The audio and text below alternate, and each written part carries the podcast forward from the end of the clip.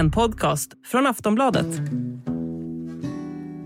På bara fyra år har Säpo gått från att tycka att Rad och hans pappa är ofarliga till att de hotar rikets säkerhet. Under samma tid har de granskats noga av lokaltidningen Gefle Dagblad. Men bevisen för att de är särskilt farliga, de är inte starka. Säpo vet något som inte vi vet. I det här avsnittet ska vi ge oss ut i en gråzon. En gråzon där Säpo testar nya metoder för att bekämpa terrorism. En gråzon där åsikter och kriminalitet flyter samman. Och vi ska prata med dem som ger Säpo sin hemliga information. Vänner, fiender, anhöriga och älskare som gratis eller mot betalning i största hemlighet berättar vad de vet. Jag har speciell plats i Säpos hjärta. De betalar varje historia när jag hämtar till dem. Kostar 4 000 kronor. Jag var mycket, tittade igenom mail. Ehm, jag lärde mig lite hacks liksom så att man kunde eh, läsa hans meddelande. De har erbjudits då kanske ett förstahandskontrakt på en lägenhet eller ett jobb eh, eller pengar eller något annat då för att lämna information. Välkomna till ett avsnitt om hemliga polisens hemligheter. Du lyssnar på Imamens son, del 4. Anonyma vittnen.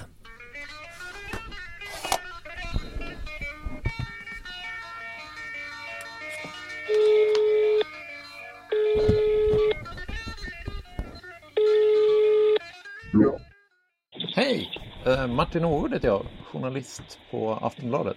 Eh, jag ringer upp en person som haft en högt uppsatt position i det svenska kontraterrorismarbetet. Och vi pratar lite om Säpo de senaste decennierna. Hen beskriver en stressad myndighet. En myndighet under hård press. Under några år hände alldeles för mycket. Internet hade blivit en faktor att räkna med. Al-Qaida bytte strategi och plötsligt inträffade arabiska våren. Svenska extremister började resa till Irak, Somalia och Syrien och på bara några år fanns det oerhört många fler personer i Sverige som kunde utgöra ett hot. Säpo slet som hundar, säger personen om den här tiden. Det blev helt enkelt ont om resurser. Man var tvungen att prioritera hårt och fokuserade på det rena polisarbetet. Man blev tvungen att offra saker och det som fick stryka på foten var allt arbete med att förebygga radikalisering. Men det polisiära arbetet, att ställa folk inför rätta för terroristbrott, det skulle visa sig vara ganska svårt. Hovrätten friar en man som tidigare dömts i tingsrätten för att ha planerat ett terrordåd i Sverige. Två av de män som åtalats för att ha förberett ett terrorattentat i Sverige ska inte längre vara häktade. Terrorbrottsutredning läggs ner. De friades från mordplanerna i tingsrätten i januari i år. Och problemen skulle hopa sig. I november 2015, strax efter Islamiska statens attacker i Bryssel och Paris, försätts Säkerhetspolisen i allra högsta beredskap. Just nu jagar Säpo den man som är den främsta orsaken till att Sverige för första gången höjer nivån på beredskapen för terrordåd till nivå 4 av 5. Våldsbefrämjande islamism utgör fortsatt det högsta hotet mot Sverige. Några dagar senare griper nationella insatsstyrkan den chockade 22-åringen Moder Motana Majid från Basra i Irak på ett asylboende i Boliden. Han har just varit på vårdcentralen med en kompis.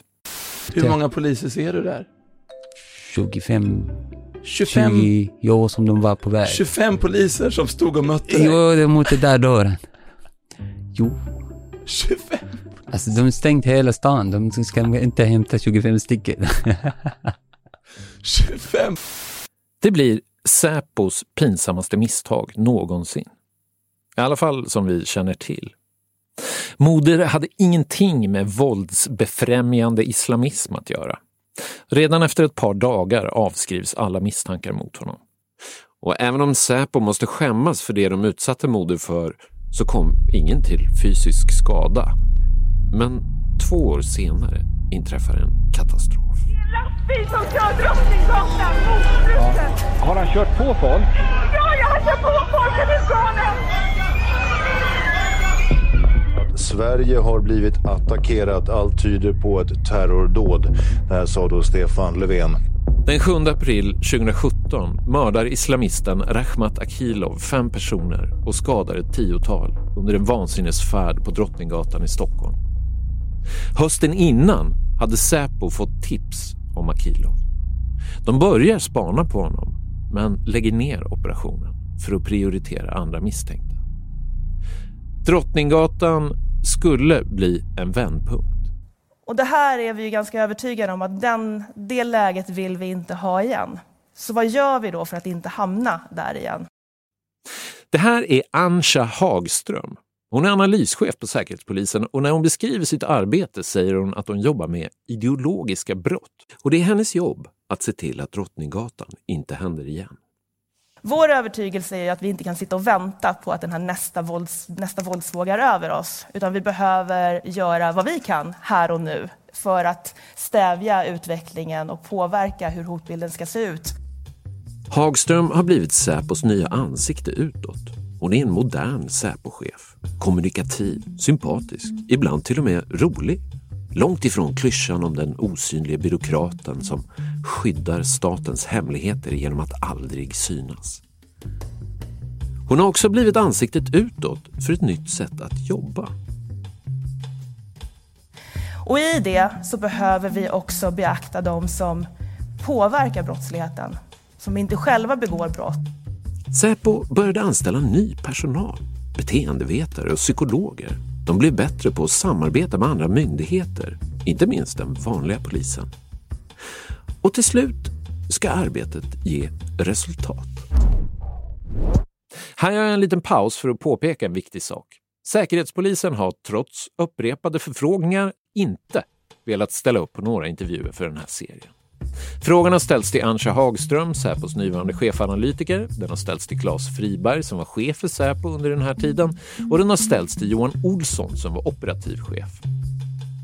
Säpo hänvisar till att de inte pratar om enskilda ärenden. Men Anja Hagström har inte bara en gång utan flera gånger pratat om just det enskilda ärendet med Radal Dohan och hans pappa.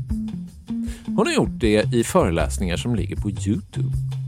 Det är lite komiskt, men inte mig emot. Troligen är hon ganska stolt över det hon berättar. För gripandet skulle nämligen bli Säpos första stora framgång på många år.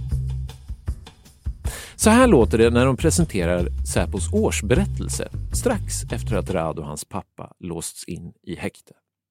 Som ni säkert vet och har hört och läst om så tog Säkerhetspolisen i våras initiativ till att använda lagen om särskild utlänningskontroll mot ett, ett antal personer som vi bedömer har den här förmågan att kunna eh, påverka brottsligheten. Under sin presentation berättar hon något helt centralt om Rad och hans pappa. Det är inte så att vi bedömer att det här, de här personerna utgör ett attentatshot eh, om jag börjar där. Okej, vi börjar där. De är alltså inte ett attentatshot. Syftet med att vi tog initiativ till här, de här åtgärderna var just det att vi ville minska deras möjlighet att radikalisera, rekrytera eh, framförallt unga individer eh, till de här miljöerna. Ja, det är det här som har framgått även i andra sammanhang. Men då är frågan bara hur de menar att radikaliseringen ska ha gått till. Och plötsligt, i förbifarten, ger Anja Hagström en sorts förklaring. Um, vi behöver också, eh, förutom då att, att beakta de här liksom, extremistmiljöernas influenser, så behöver vi också göra oss av med en del fördomar. Eh, vänta, vad sa hon för något? Extremistmiljöernas influenser. En gång till, lite långsammare. Extremistmiljöernas influenser. Säpo betraktar Rad och hans pappa som influencers. Ett yrke man kanske tycker borde vara olagligt, men det här är ett helt nytt sätt att beskriva säkerhetshot på. Även andra som bevakar radikal islamism, till exempel sajten Doku, kallar Rad och hans pappa för influencers. Och ja, visst, flera i familjen Al-Duhan jobbar faktiskt på en karriär som influencer. Tja allihopa! Jag hoppas att ni mår fint. Ah, solen skiner idag.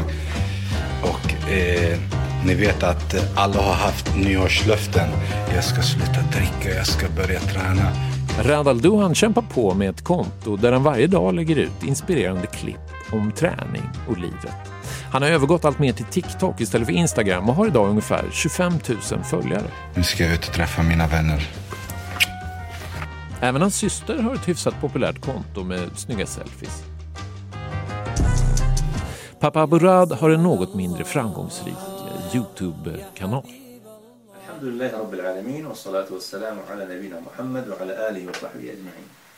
Han har som mest några hundra views per klipp. Ofta ligger de runt 30-40, trots att de legat ute i tio år.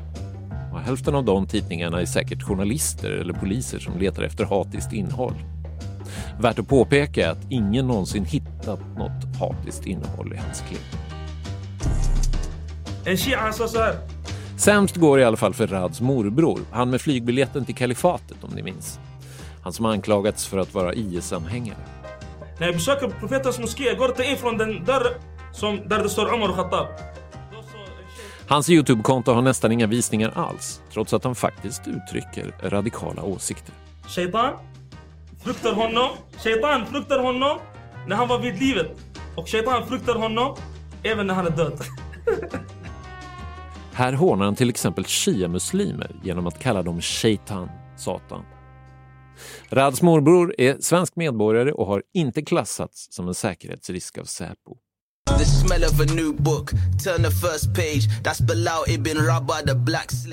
Men även om familjen Aldoan inte är några särskilt framgångsrika influencers är det på de här plattformarna som religion utspelar sig idag. Den gamla stammens imamer är helt omkörda av en ny generation predikanter. Tjo allihopa, hoppas att ni mår bra. Jag vill tacka allihopa som hjälpte till att anmäla det här kontot Shottaz vs DP. Gå in på min Youtube-kanal, ta gärna en titt på den och lägg en kommentar. TikTok-imamer som kan hålla sina fredagspredikningar varje kväll. Instagrammare som bor i Dubai, har vältränade kroppar och dyra bilar. Assalamu alaikum. My name is Simon and I was an atheist, but alhamdulillah, Allah had other plans for me. So Som blandar dagsaktuella nyheter med träning, matlagning och lifestyle hack. to help Muslims just like you to become stronger both physically and spiritually. Som lika självklart kan citera svensk gangsterrap som haditerna.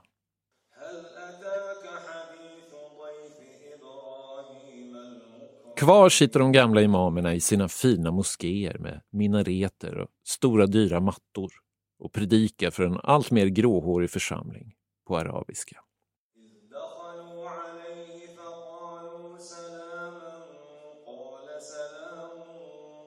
Men kan verkligen en influencer bli det största hotet mot rikets säkerhet på 30 år? Ansha Hagström försöker förklara vad hon menar i ett av de där klippen. Det vi ser just nu är att den här miljön blir lite diffusare, lite lösare i kanterna.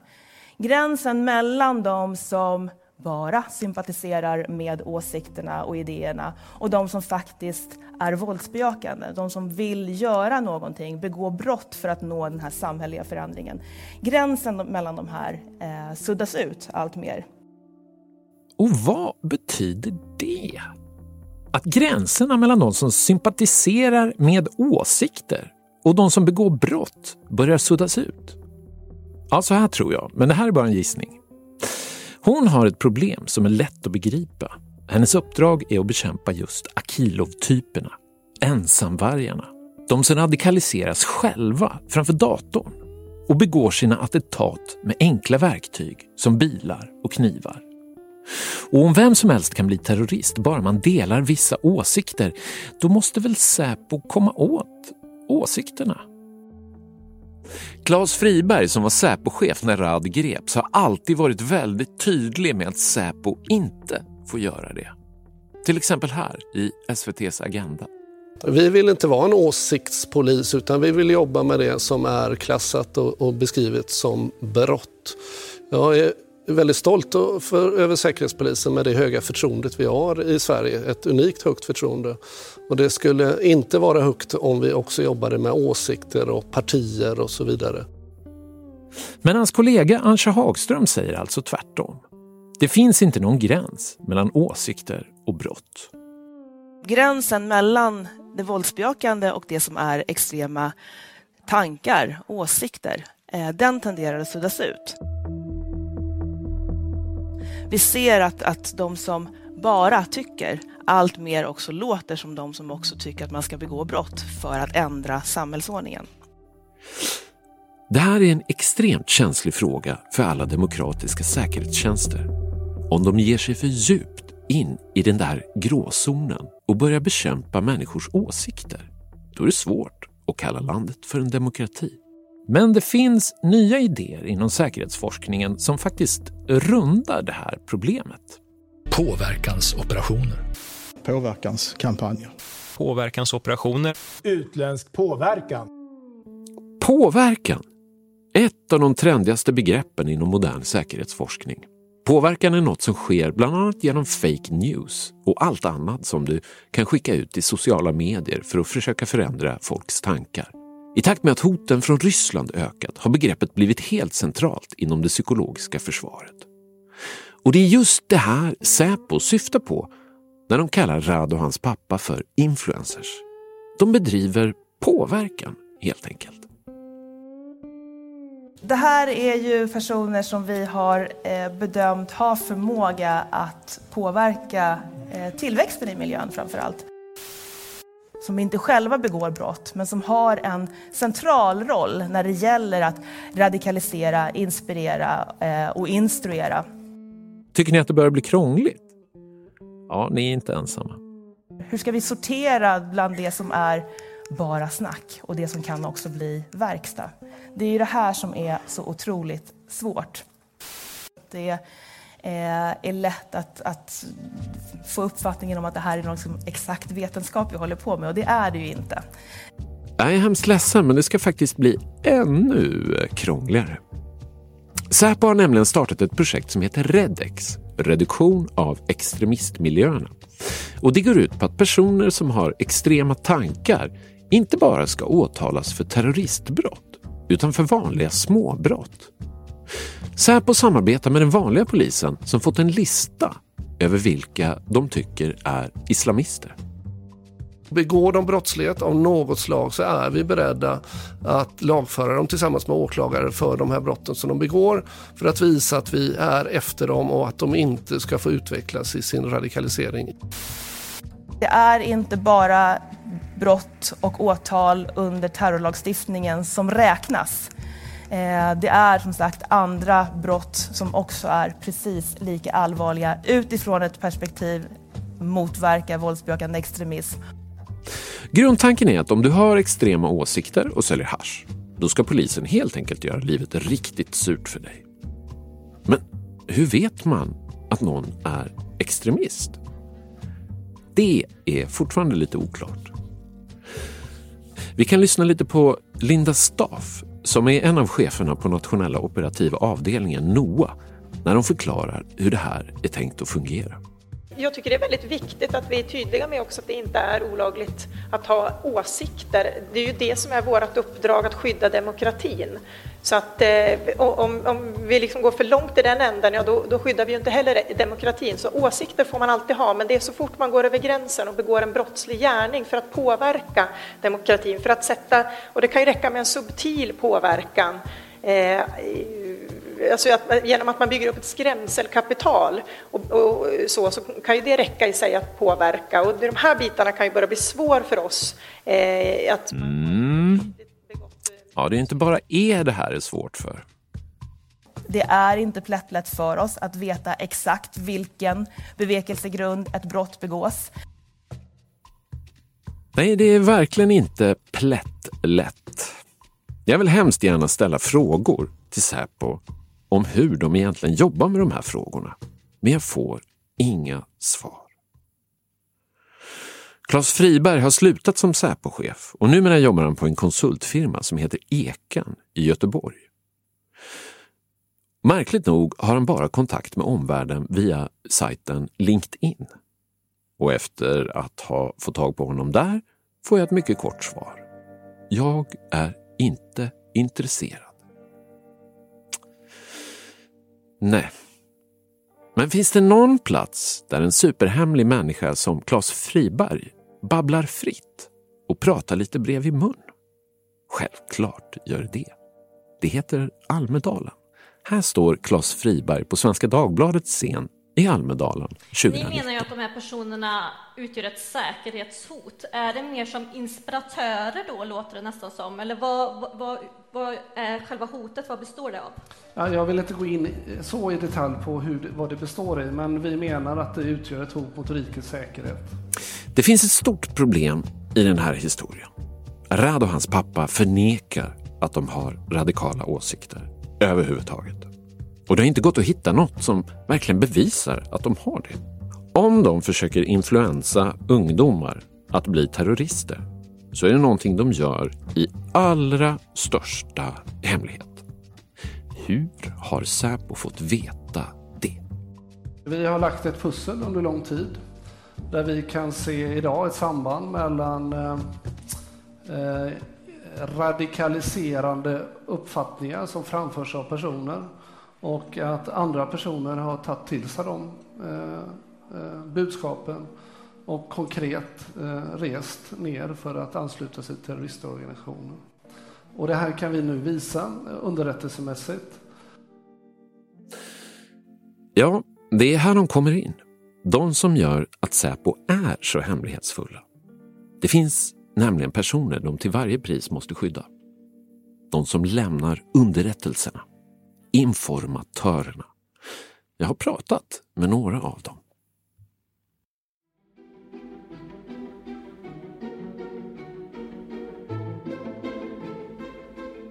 Svensk polis lägger mycket pengar på informatörer. 2017 sattes ett rekord. Då betalade man ut 11 miljoner kronor till vad som i redovisningen kallas ersättning för polishjälp. Pengar som ibland betalas ut till grovt kriminella. Det är inte alla som tycker det här är jättebra. Det visade Sveriges Radio när de avslöjade siffrorna häromåret. Nu kommer stark kritik mot att svensk polis betalar miljontals kronor till grovt kriminella för att de ska lämna information i brottsutredningar. Det är en farlig verksamhet. Det säger före detta överåklagaren Sven-Erik Alhem. En okonventionell spaningsmetod kan man kalla det. Och det finns inte lagreglerat och det finns enorma farligheter Polisen har de senaste fem åren betalt ut närmare 45 miljoner kronor till olika informatörer. Det här trots att flera av dem är grovt kriminella och i vissa fall fortsätter att begå brott. Att få tag på en informatör kan vara ganska odramatiskt. När någon till exempel söker medborgarskap så intervjuas de av Säpo. Men Säpo försöker även aktivt värva källor. En person som jag pratar med, som vi kan kalla Benny, har en släkting som ville göra en terrorresa. Men tack vare Benny kunde släktingen snabbt hämtas hem till Sverige. Ett tag senare blir han uppringd av någon som kallar sig Jennifer på Säkerhetspolisen. Hon smickrar Benny och frågar om han vill ses. De ska träffas vid Big Bowl i Malmö och han får kliva in i en bil. Det är en annan person som sköter samtalet men smickret fortsätter. Benny är förnuftig, han är modig och han har bra värderingar, säger de. Eftersom Benny inte vill bli igenkänd så använder jag mig av en kollegas röst. Och så säger han till mig vid ett skede i samtalet. Vi skulle vilja erbjuda dig en plats att vara med i det blågula laget. Eller spela med i det blågula laget. Det är lite oklart vilken position han ska få i det blågula laget. Säpo säger bara att de vill ha hjälp med vissa grejer och att han i utbyte ska få hjälp med vissa grejer. Enligt Benny var pengar en del av erbjudandet. Men Benny är kritisk mot Säpo. Han tycker de är passiva och dåliga på sitt jobb.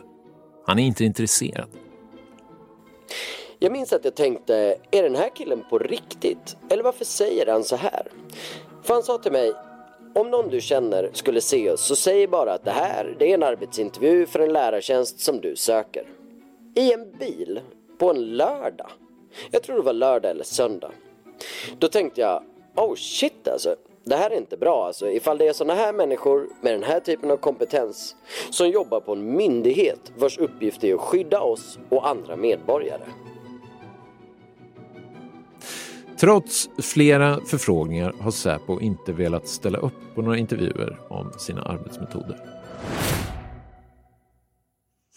Hur mycket information Säpo än skaffat om Rad och hans pappa så har de fortfarande inte tillräckligt. Så sent som våren 2021, mer än sex månader efter att de utvisats, sökte Säpo aktivt hemlig information om Rads pappa. Och de var beredda att betala för den.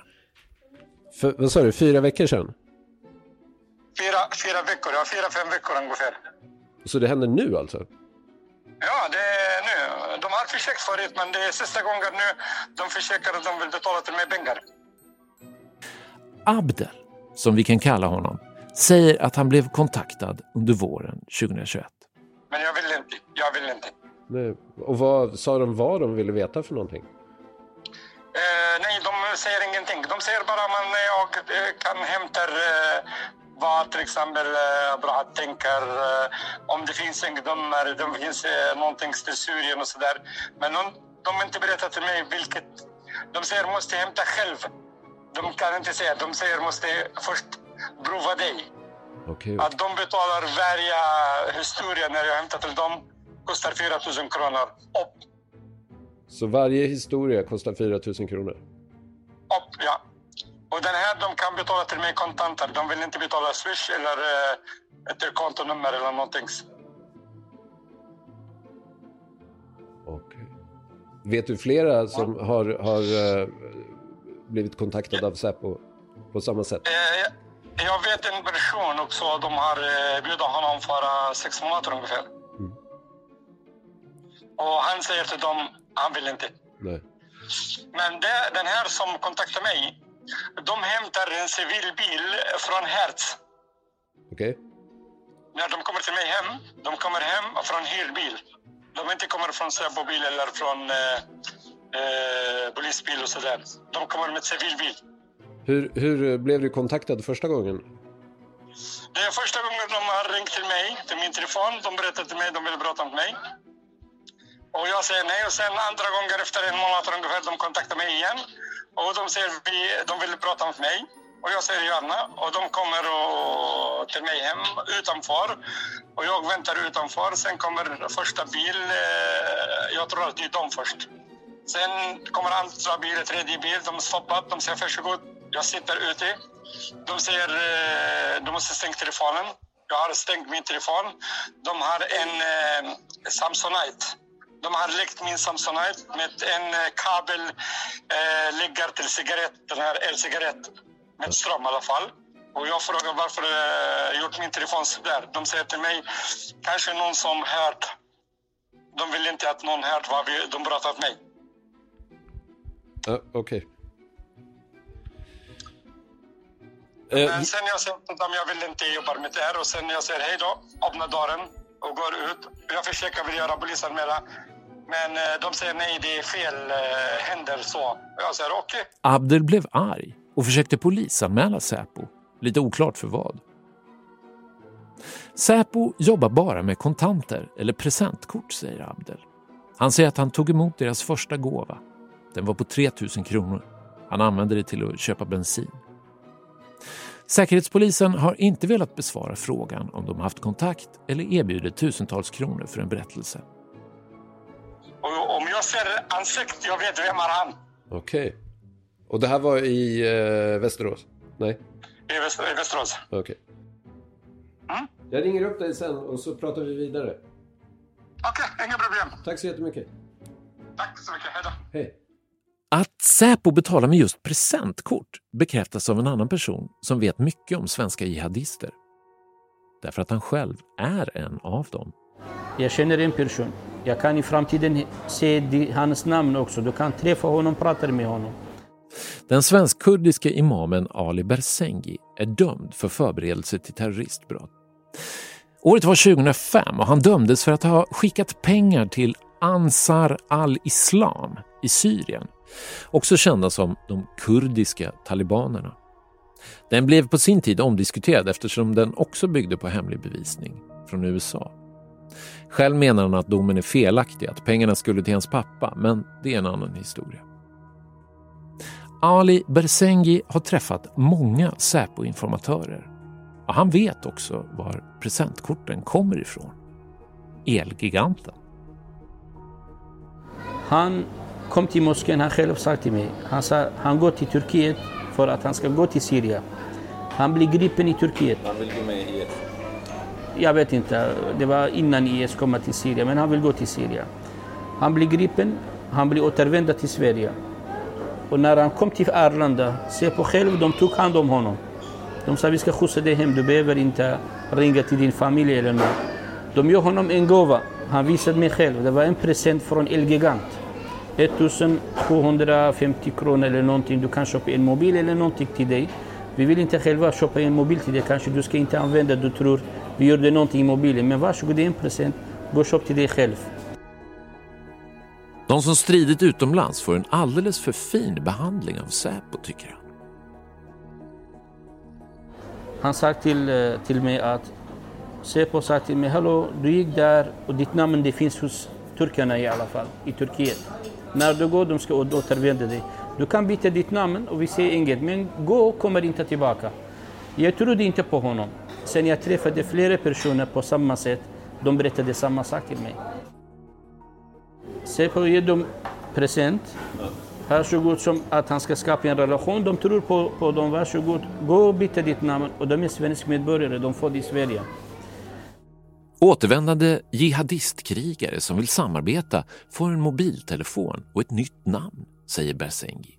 Trots att de varit delaktiga i en mordisk kult och trots att de kan utgöra en akut fara. Och om de inte kommer hem, då brukar deras änkor få en mobiltelefon. Jag, jag känner många som deras man dog i Syrien och Irak och andra ställen. De är änkor. De, har, eh, de är svenskar. Säpo går gå till dem i alla fall. Till kvinnorna? Till kvinnorna. Vi kan ge dig en mobil. En mobil. Du ska spela in allt när du träffar kvinnorna. Ni samlar er, träffar varandra. Vi ska betala till dig hyra. Vi ska betala till dig för din försörjning varje månad. Du behöver 5 000, varsågod. Vi betalar till dig hyra och försörjning. Att bli informatör är såklart att ta en stor risk. Du kan försöka dölja det för folk i din omgivning, men du kan aldrig dölja det för alla. Att dölja det för dina egna barn är allra svårast. Kanske hon kan gömma den. Hon kan säga okej, okay, jag ser inte den. Hon kan bara jobba till exempel för sig på ingen fara. Men deras barn vet om den. Deras barn sa till eh, andra barn, eller min mamma har två mobiler. En mobil hon fått från sig på. Och de betalar hyra och de betalar... Förstår du vilken situation? Folk nu de, de lever i mycket rädsla i alla fall. Jag känner själv att jag bor i ett land som eh, lagen inte bestämmer. Säpo bestämmer, Migrationsverket Säpo bestämmer. Uh, rätten Säpo bestämmer, som det handlar, handlar med mig i alla fall. Ali Bersengi menar att Säpos övervakning satt skräck i svenska muslimer.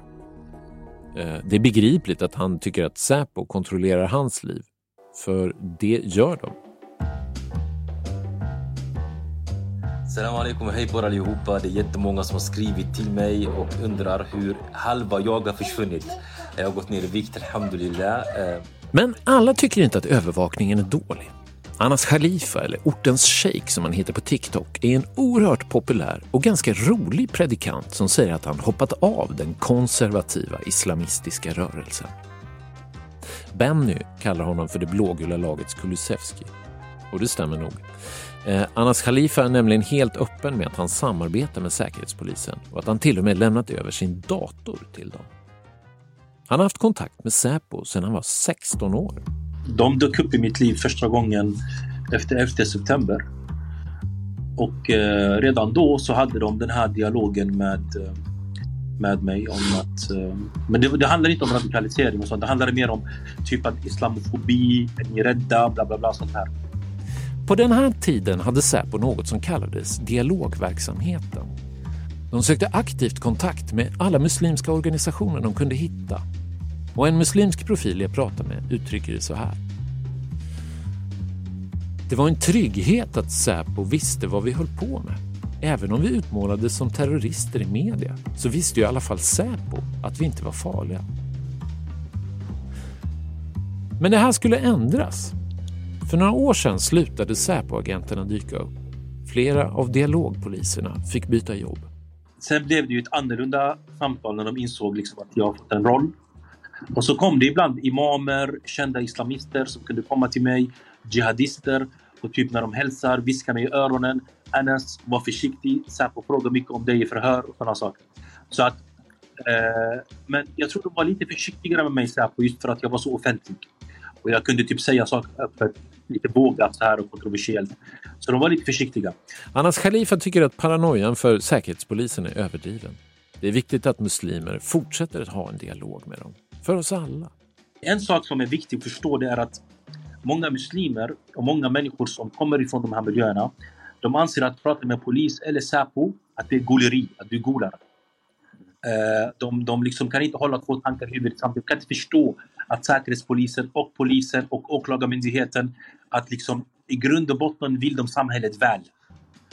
Eh, och det handlar inte om att sätta dit folk. Det handlar om att hjälpa folk bort ifrån kriminalitet, bort ifrån skada, fara. Så nu när jag exempelvis säger öppet att jag har pratat med Säpo, jag har gett dem mina hårddiskar. Eh, såklart, de här radikala extremisterna de går ju runt och säger att han är en golare, han är spion och sådana saker. Att han är en viktig spelare för det blågula laget skulle han nog hålla med om själv. Att jag tror också att jag har kanske en lite speciell position. Jag har speciell plats i Säpos hjärta. och, det, och det är för att liksom, jag, jag, är svensk liksom, på ett sätt som är lite annorlunda än de här äldre imamerna. Jag liksom är med ungdomar. Jag är ganska unik på det sättet, om du förstår vad jag menar. Den första föreläsaren på svenska som är så himla känd bland folk och aktiv online och reser mycket. Så de hade nog inget annat val än att lägga lite extra energi på mig. Och alla de här samtalen ledde fram till att till slut, och det här har jag nog inte berättat om offentligt tidigare tror jag. Idag är Anas mer än en informatör. Han har blivit en influencer åt Säkerhetspolisen. Då kom en, en av dem som jag har känt ganska länge och vi pratade ganska öppet eh, och han berättade för mig helt enkelt första gången som Säpo inte kräver men frågar mig om att jag ska offentligt ta avstånd från vissa saker. Uh, och då sa de typ att det är många som lyssnar på dig Anas. Uh, många unga. Och du får liksom stor spridning sådär. Så prata öppet om liksom det, Isis-frågan och sånt här. Och då sa jag då, då hade jag lämnat salafismen, men inte öppet. Det var 2019 tror jag det här. Så, så jag sa, det kommer, men jag är inte redo nu. Och sen uh, gick jag ut med det och sen dess så det finns en okej okay relation. Alltså. Jag, jag har inget emot Säpo eller polis. Jag tycker om båda två. Deras jobb är ju att skydda oss. Men en liten distans till lagens långa arm måste man ha, tycker Anas. Som imam ska man inte vara nära staten. Så det är min övertygelse. För att då, då blir det svårt att kritisera staten. Men samtidigt är också min övertygelse att staten, som är då Säpo i det här fallet, behöver en sån person som mig. För att de behöver veta ett inifrån perspektiv som de inte har. Så att de kan få hjälp och stötta bort denna terror och extremism och rädsla på rätt sätt istället för att begå handlingar som är väldigt orättvisa mot en minoritet i, i samhället, om du förstår vad jag menar. Så för mig är min röst viktig för att de ska kunna göra ett, ett mer effektivt och bättre arbete. Man ska inte som muslim gå runt och tro att Säpo är ute efter muslimer eller på grund av att du är muslim. Det är inte alls så. Hade de varit det så hade jag suttit i fängelse förmodligen för länge sedan för att jag har suttit med de värsta typerna av muslimerna. Utan det finns rättvisa, det finns lag, det finns regler. Sen finns det misstag och det finns katastrofer som händer. Och det finns saker som är helt åt skogen eh, som kan hända med, från alla myndigheter. Men det är inte utgångspunkten tror jag inte. Vi får tro väl om, liksom, om dem och, och deras arbete. Och kritisera dem. Och det är det journalister finns till exempelvis. Så är det. Synd bara att Säpo vägrar ställa upp på några intervjuer. 2008 kom Säkerhetspolisen till och med över Rad Aldohans dator. Hon som lämnade över den vill idag vara anonym. Vi kan kalla henne Magda och under ett knappt år hade hon en relation med Rad. De gifte sig, fast bara i moskén. Innan de hann registrera äktenskapet tog det slut under dramatiska former. Jag var arg, slängde ut honom, slängde ut hans kläder, verkligen förnedrade honom till det grad som man bara kan. Ehm, så han fick stå utanför bara, eh, i bara fötter eh, med sin kompis. Alltså jag skäms fruktansvärt mycket och det är därför jag vill vara anonym också, inte för att jag eh, inte vill stå bakom mig. Men det, det, jag var en hemsk flickvän. Eh, och eh, då var han tvungen att ringa där också polisen, liksom, så att jag skulle öppna och släppa in honom och ge hans mm, andra kläder och skor och så. Och två dagar efter att hon kastat ut Rad barfota på gatan så ringde det på dörren. Jag var arg på honom eh, och då kom det till det här att jag gjorde eh, polisanmälan. Eh, vad heter det? Och inte träffa honom. Vad heter det? Hjälp mig. Besöksförbud. Besöksförbud, tack. Vilket var helt misstag. Det är liksom, vi hade uppbrott och eh, bråkade mycket senaste månader innan uppbrottet och då eh, blev jag arg och gjorde en dum grej. Man var ung och dum. Uh, och då kom ju Säpo två dagar efteråt och knackade på min dörr. Och jag uppfattade det som att ja, utnyttja läget.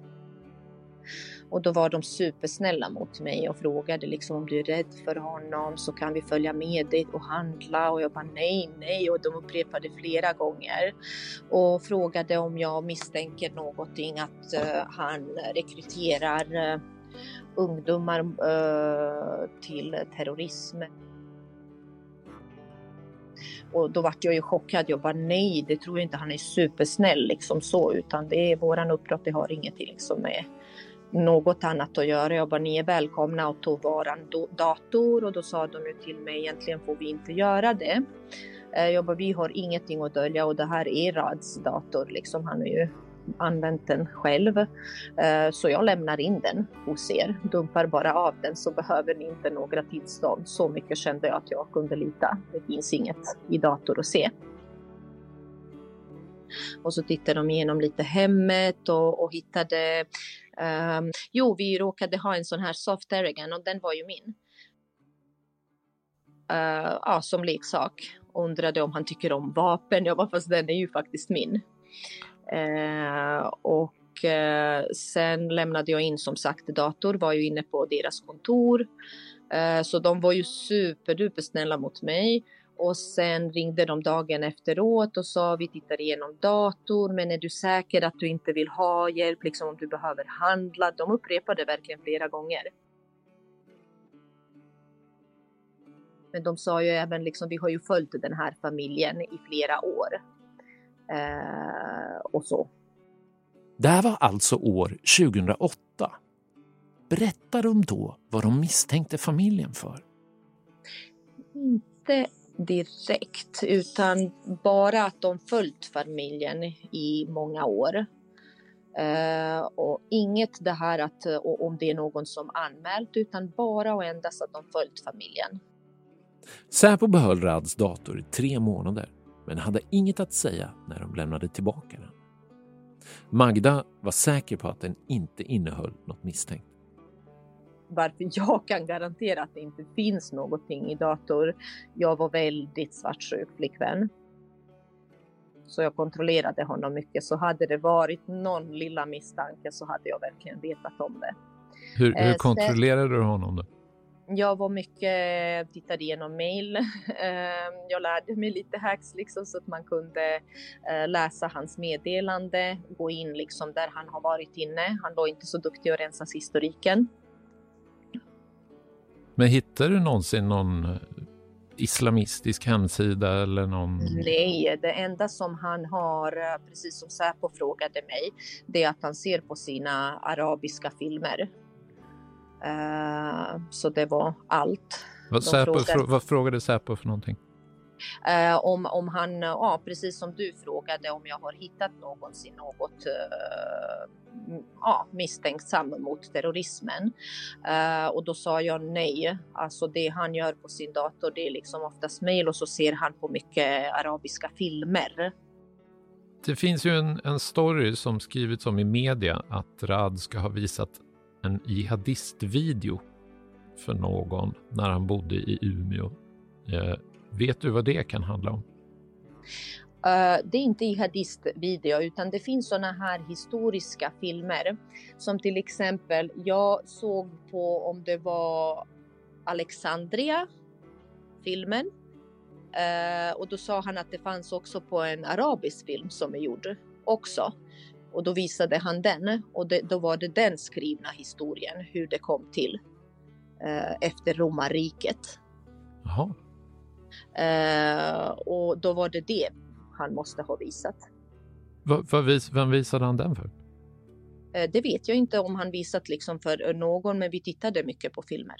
Ja, och du, så vet du att han, han, har visat den där filmen för någon som blev Nej, rädd? inte, men jag har hört den historia att han ska ha visat för någon. Men jag tänkte om den har missuppfattats att det är en jihadist, för det är det verkligen inte. Det är som att visa sådana här historiska filmer som finns, allt från Jesus till, till, till, eh, till Alexandria eller romarriket eller, eller eh, Ottomanska riket och så vidare.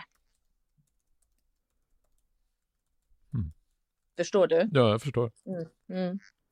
Men att han skulle visa jihadistfilmer, det har jag aldrig sett på min dator användas liksom att det aldrig och jag tror inte på det utan då är det i så fall att personen som har sett den här filmen eh, när vi tittat på eller att han tittat på visat uh, att den är bra film, se på den för den berättar om uh, historien. Uh, då är det liksom vanlig godkänd film och inte något jihadistfilm. Aldrig någonsin har jag sett och jag har umgåtts med både ungdomarna också när de varit hemma hos oss och hälsat på eh, och ute på Legend Club som han hade. Ja, just det. Och på den tiden hade man ju inte smartphones heller. Så Nej. Skulle man titta på film fick man göra det på datorn. Då är det dator. Eh, så hade det funnits någonting att se på den datorn, ja, eh, då hade jag vetat om det. Men inga jihadistfilmer. Det kan jag ge mitt liv på. Varför tror du att eh, han misstänks? Jag tror att det är så att, alltså så här var det, Rad var ju väldigt populär. Det var ju bland annat därför det inte fungerade så bra mot oss. Han var populär bland annat, vi kunde gå igenom stan och han uh, kunde ha hälsat på, inte vet jag, 20-30 personer. Så det är som att han var aldrig närvarande på så sätt som man hade velat ha honom som man. Uh, och det irriterade mig. Uh, och då Sen är det inte jag som kände bara så, utan jag vet att det har funnits folk som är lite avundsjuka och svartsjuka på hans, att han är omtyckt faktiskt av många. Och då kan det ha varit så att eh, precis som Säpo har nyttjat läget när det var uppbrott och jag gjorde besöksförbud, eh, att de nyttjat det läge och eh, gjort så med andra. Att det är bara berättelse eller, eller eh, rykte som folk har skapat som inte gillar RAD.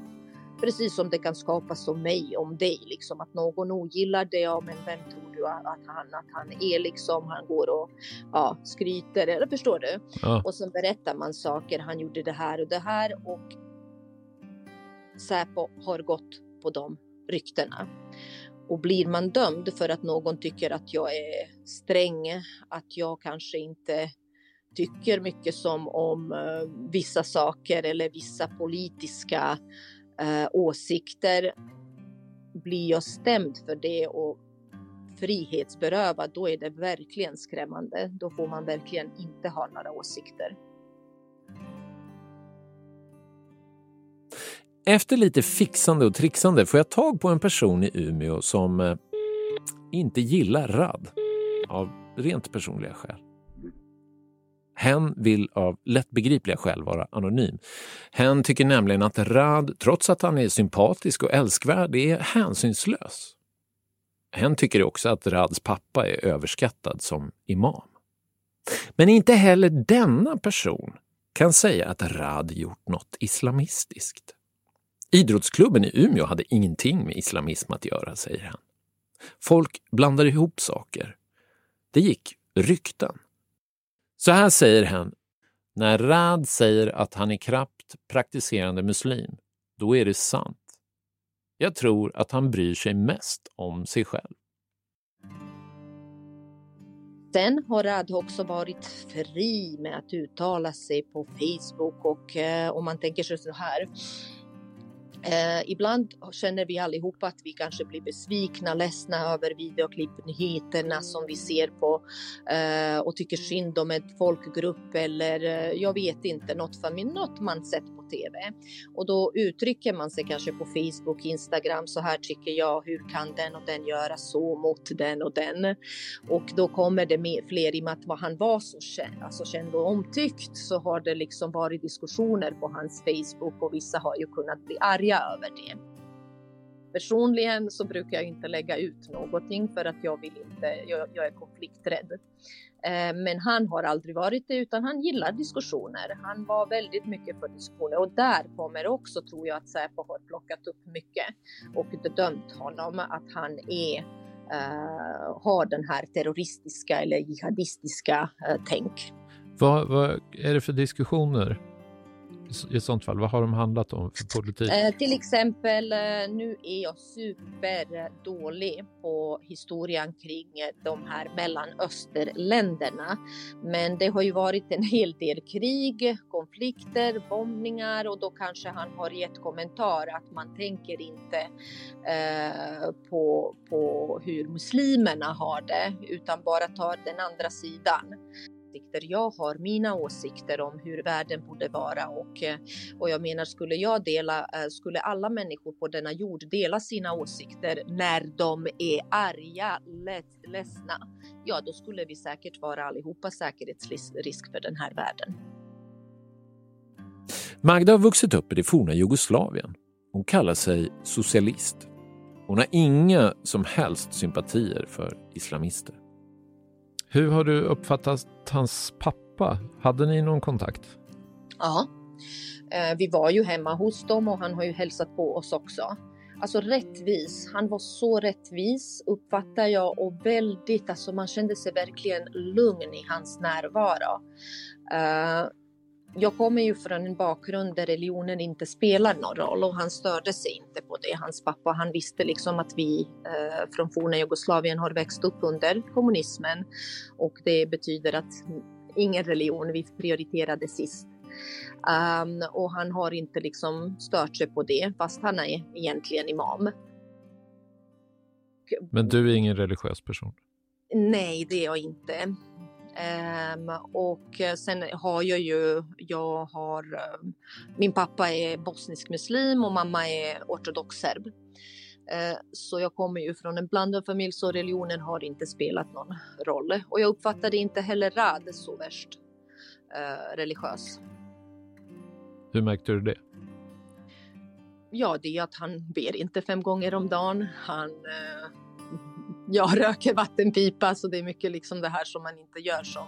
Jag har ju bosniska vänner som är religiösa och det gör de inte så att man ter sig annorlunda. Han är mycket fri, liberal. Han försökte aldrig uh, göra dig mer religiös? Nej, aldrig. För jag var ju sån, jag är ju van när, när jag hälsar på imamer, bosniska imamer, då vill jag ju ha slöja på. Det är sånt som man lärt Om man går på begravningar så har man slöja på sig. Om man kliver in i moské så har man slöja på sig. Han har aldrig nämnt, Rad skrattade åt mig när jag sa ska jag ta slöja på mig nu när jag ska träffa din pappa första gången. Han bara nej, du ska vara så som du är. Så det var faktiskt första imamen jag träffade utan slöja på.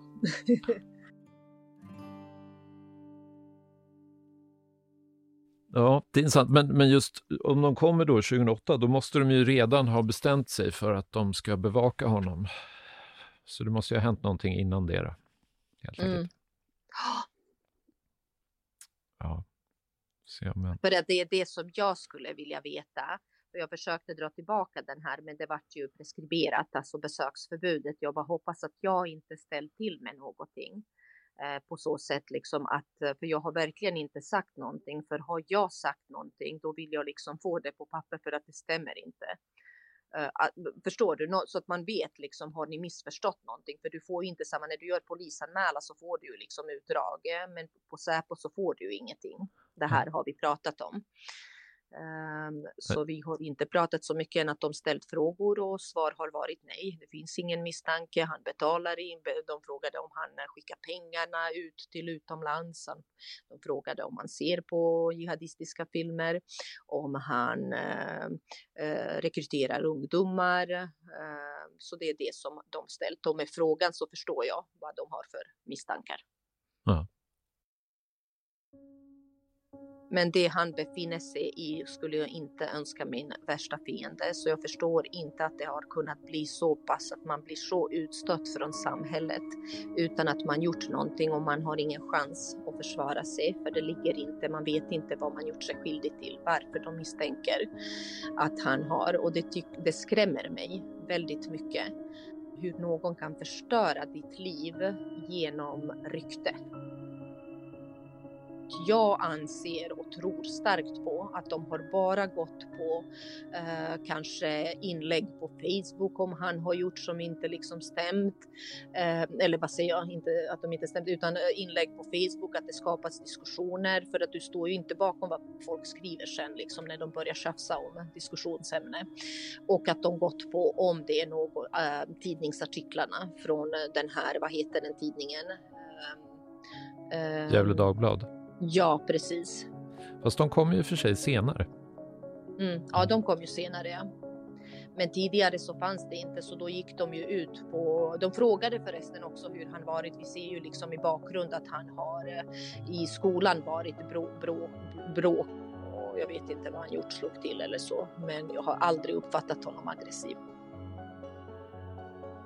Nej, precis. Det var ju det som hände. Det var någon, eh, en misshandelsdom där i högstadiet ja. eller någonting. Ja, men ja, vem har inte slagit? Äh, kanske inte du. jag fick, jag fick ja. mest stryk i och för sig. Jag var inte så bra på att slåss. men det var slagsmål varje rast, det var det verkligen. Mm. Um... Nej, men jag brukar säga liksom ingen säkerhetspolis på denna jord kan granska en bättre än en svartsjuk flickvän. Så du hade full koll? Ja, tyvärr, tyvärr var jag sådan liksom, så det var inte enkelt. Och han stod ju ut eh, med mig ändå liksom för att han har sån, eh, jag vet inte, han har eh, varför jag blev kär i, i Rad, det är för att han har i grunden är han som svensk men ser ut som alltså någon från Mellanöstern, väldigt vacker men har alltså svensk eh, eh, synsätt. Och just den här svenska, att det, det är svårt att knäcka er. Alltså hur, hur mycket man än skriker så är ni lite lättare för er att hantera än vad det är eh, om jag hade varit tillsammans med någon med samma ursprung och samma temperament. Det är dit jag ville komma. Han var inte, upplevde jag inte honom, väldigt temperamentfull. Han fick, fick eh, bråka mycket. Utan han kunde vara den som backar först.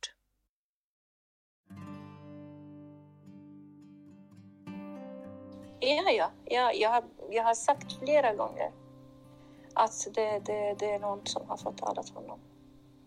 Vem? Eh... Att tipsa Säkerhetspolisen är ett vapen, säger flera personer jag pratar med. Ett vapen du kan använda för att klämma åt dina fiender. Ni vet kanske Martin att, att det här, alltså i vår kultur, Tyvärr, alltså, fast det är inte, från, det är inte bra alltså, kultur. Men... Och det här är ett fenomen som flera iraker säger har flyttat hit från hemlandet. I våra länder, alltså, de, de går och pratar illa om andra bara så fort att de, de kommer inte överens eller att, alltså, att man ska göra den andra illa. Då går i våra händer. De går till Säkerhetspolisen och berättar också om den här mannen eller den här kvinnan eller den här familjen, de har gjort så, så, så. Det här är Ansam. hon är Rads faster och har följt med familjen till Sverige från Basra. Hon är gift med Ahmed som greps och utvisades samtidigt som Rad och hans pappa. Av samma skäl, helt okända skäl alltså. Men han har varit misstänkt för att rekrytera folk till Islamiska staten. 2015 utreddes Ahmed för att ha rekryterat fyra personer som reste till Syrien. Det var en omfattande polisutredning, men den lades ner efter att den inte hittat något annat än bilder på jihadistkrigare i Ahmeds mobiltelefon. Han påstår själv att de skickats till honom på Viber utan att han ville det. Ahmed avlyssnades av polisen, men det som framkom var att han försvarade sig mot anklagelser om att han uppmanat folk att resa till Syrien. Ansam är övertygad om att både hennes man, Rad, och hans pappa har förtalats och att det i förlängningen har med Saddam Hussein att göra. När det var krig mellan Irak och Iran, många, alltså så fort till exempel grannar har bråkat så de går och säger till Säkerhetspolisen, ah, den här familjen som arbetar till exempel med, med, med Iran eller så. Speciellt jag bodde i Basra i södra Irak. Ja. Och sen, och sen några personer har försvunnit på grund av, av det här. Mm. Tyvärr. Och den här, den här de har flyttat med sig här till, till, till Sverige. Alltså vi vet vem det är, alltså från många personer som, som Ahmed har inte kommit överens med. Så.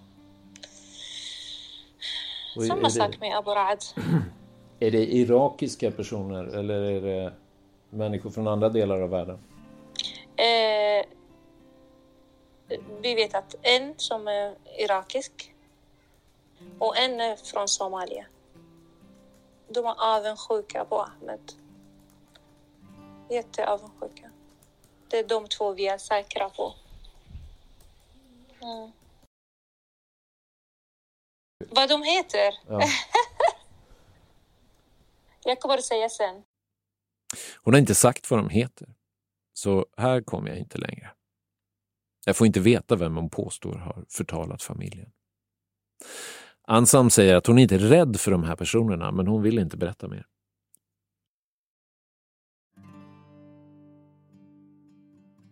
Även andra irakier jag pratar med bekräftar att det här är ett känt beteende. De har ingenting med Aburads familj att göra. Just de här irakierna är inte ens särskilt förtjusta i Aburad. Men de berättar att efter USAs invasion 2003 så började folk använda sig av de nya amerikanska myndigheterna om de ville göra personer illa. Det räckte ofta att tipsa om att någon var en säkerhetsrisk. Amerikanerna hade inte tillgång till arkiv eller dokumentation och saknade ofta kunskaper om både landet och språket. De ställde sällan några motfrågor. Det har till och med blivit värre än under Saddams tid, säger vissa. För till skillnad från amerikanerna så bokförde och arkiverade Saddams ökända säkerhetstjänst allting väldigt noga. Du vet eh, Meckas imam, han är största imam som han brukar föreläsa varje fredag. Jag brukar inte lyssna på den, men eh, jag hade tvn på sen jag, alltså jag lyssnade på honom. Han var, han, han var så arg på dem som tipsar polisen, säkerhetspolisen, om sina vänner när de bråkar. Och jag tänkte, jag filmade på Snapchat, jag skickade till familjen. Jag sa till dem att jag, imamen idag, han pratar om oss nästan. Och han sa, sluta, snälla sluta. Hur vågar ni sitta bakom datorn och tipsa säkerhetspolisen bara för att ni ska göra illa folk? Det går inte. Och han säger, alltså det här, han föreläser från Koranen någonting, att man får inte göra så. Han var så arg den här imamen. Så, så han visste alltså det här, det här problemet är stort. Ja, tyvärr. Nu är vi djupt inne i gråzonen. Djupt nere i skvallerlabyrinterna. Men det här är inte okända problem. Rads advokat Fredrik Åkerblom känner till det här fenomenet. I vanliga fall är underrättelser, skvaller, information något som polisen kan hantera. Men när det kommer till lagen om särskild utlänningskontroll så blir det komplicerat. Jag har träffat flera personer också, själv, som har berättat för mig att de har erbjudits då kanske ett förstahandskontrakt på en lägenhet, de har lite svårt med familjen eller ett jobb Eh, eller pengar eller något annat då för att lämna information till, till Säkerhetspolisen. Så att de använder sig av informatörer. Ett problem kan ju vara då att om någon gör någonting för att få pengar kanske man hittar på någonting liksom. Folk har även berättat för mig liksom att det har funnits olika typer av konflikter i de här grupperna. Liksom. Det kan vara så här familjer eller klaner eller eh, folk i eller runt moskéverksamheter eller sådär. Att folk har olika typer av konflikter och att man då vill skada varandra på olika sätt. Och då, då kan man hitta på en historia om någon. Eh, så att det... Och använda Säpo för att skada varandra? Exakt. Och just när det gäller den hemlighetsfulla lagen om särskild utlänningskontroll så kan en informatör få avgörande betydelse. I brottmål där handlar det ju mer om att man vill ha det handlar ju mer om underrättelseverksamhet. Man vill ha en bild av vissa grupperingar eller någon, någon säger att ordet på gatan är att det var den där gruppen som låg bakom ett mord och så vidare. Men det är ju inget som, som kan användas som bevisning. Men i de här ärendena när man går på folk med stöd av LSU, då används, används det ju kanske som någon slags bevisning. Så hur nära har informatörerna kommit? Hela vägen in i Aburads kök? Själv vill imamen inte peka ut någon som han tror lämnat information. Men han vet att de finns, säger han. ما استطيع لكن في مصادر يعني Jag vet att det finns källor. Jag vet att det finns källor som har lämnat falsk information. هذا أنا لا أشك فيه Det har jag ingen tvekan på. Men لا أشك في هذا أنا قلت الأمن أنا قلت الآن بالمقابلة الثانية قلت هذا الكلام I tredje, när Säpo skickade efter mig, tredje ansökan, då sa jag det där. Att det finns källor som vill skada oss. Och, och jag sa till dem också när... Alltså, vilka? Svårt. I 2005, när jag fick kniv, de, Säkerhetspolisen kommer och träffar mig. De säger, har du fiender människa? Jag sa, jag sa inte fiender människa, men det finns. Person, personligen, sådär som jag vet till. Men det finns en konflikt, politisk konflikt i Irak. Eh, speciellt mellan eh, regeringen och eh, miliser, och, och miliser, shia-miliser. Han bara, det kan ha förflyttat sig hit mot ja. eh, vissa ikoner eller vissa profiler. Så jag kan tänka mig att det finns även de som skriver falska rapporteringar och lämnar eh, falska källor liksom. Säkerhetspolisens nya metod för att bekämpa terrorism gav dem deras största framgång på flera decennier. Det var ett sätt att bekämpa radikala åsikter utan att bekämpa åsikter. Eller? Frågan är vilka åsikter de ville bekämpa. Här har vi tur. Det finns faktiskt en hel yrkeskår som ägnar sig åt att kartlägga muslimers åsikter. De ska jag berätta om i nästa avsnitt. Jag kallar det Salafistjägarna. Du har lyssnat på en podcast från Aftonbladet. Ansvarig utgivare är Lena K Samuelsson.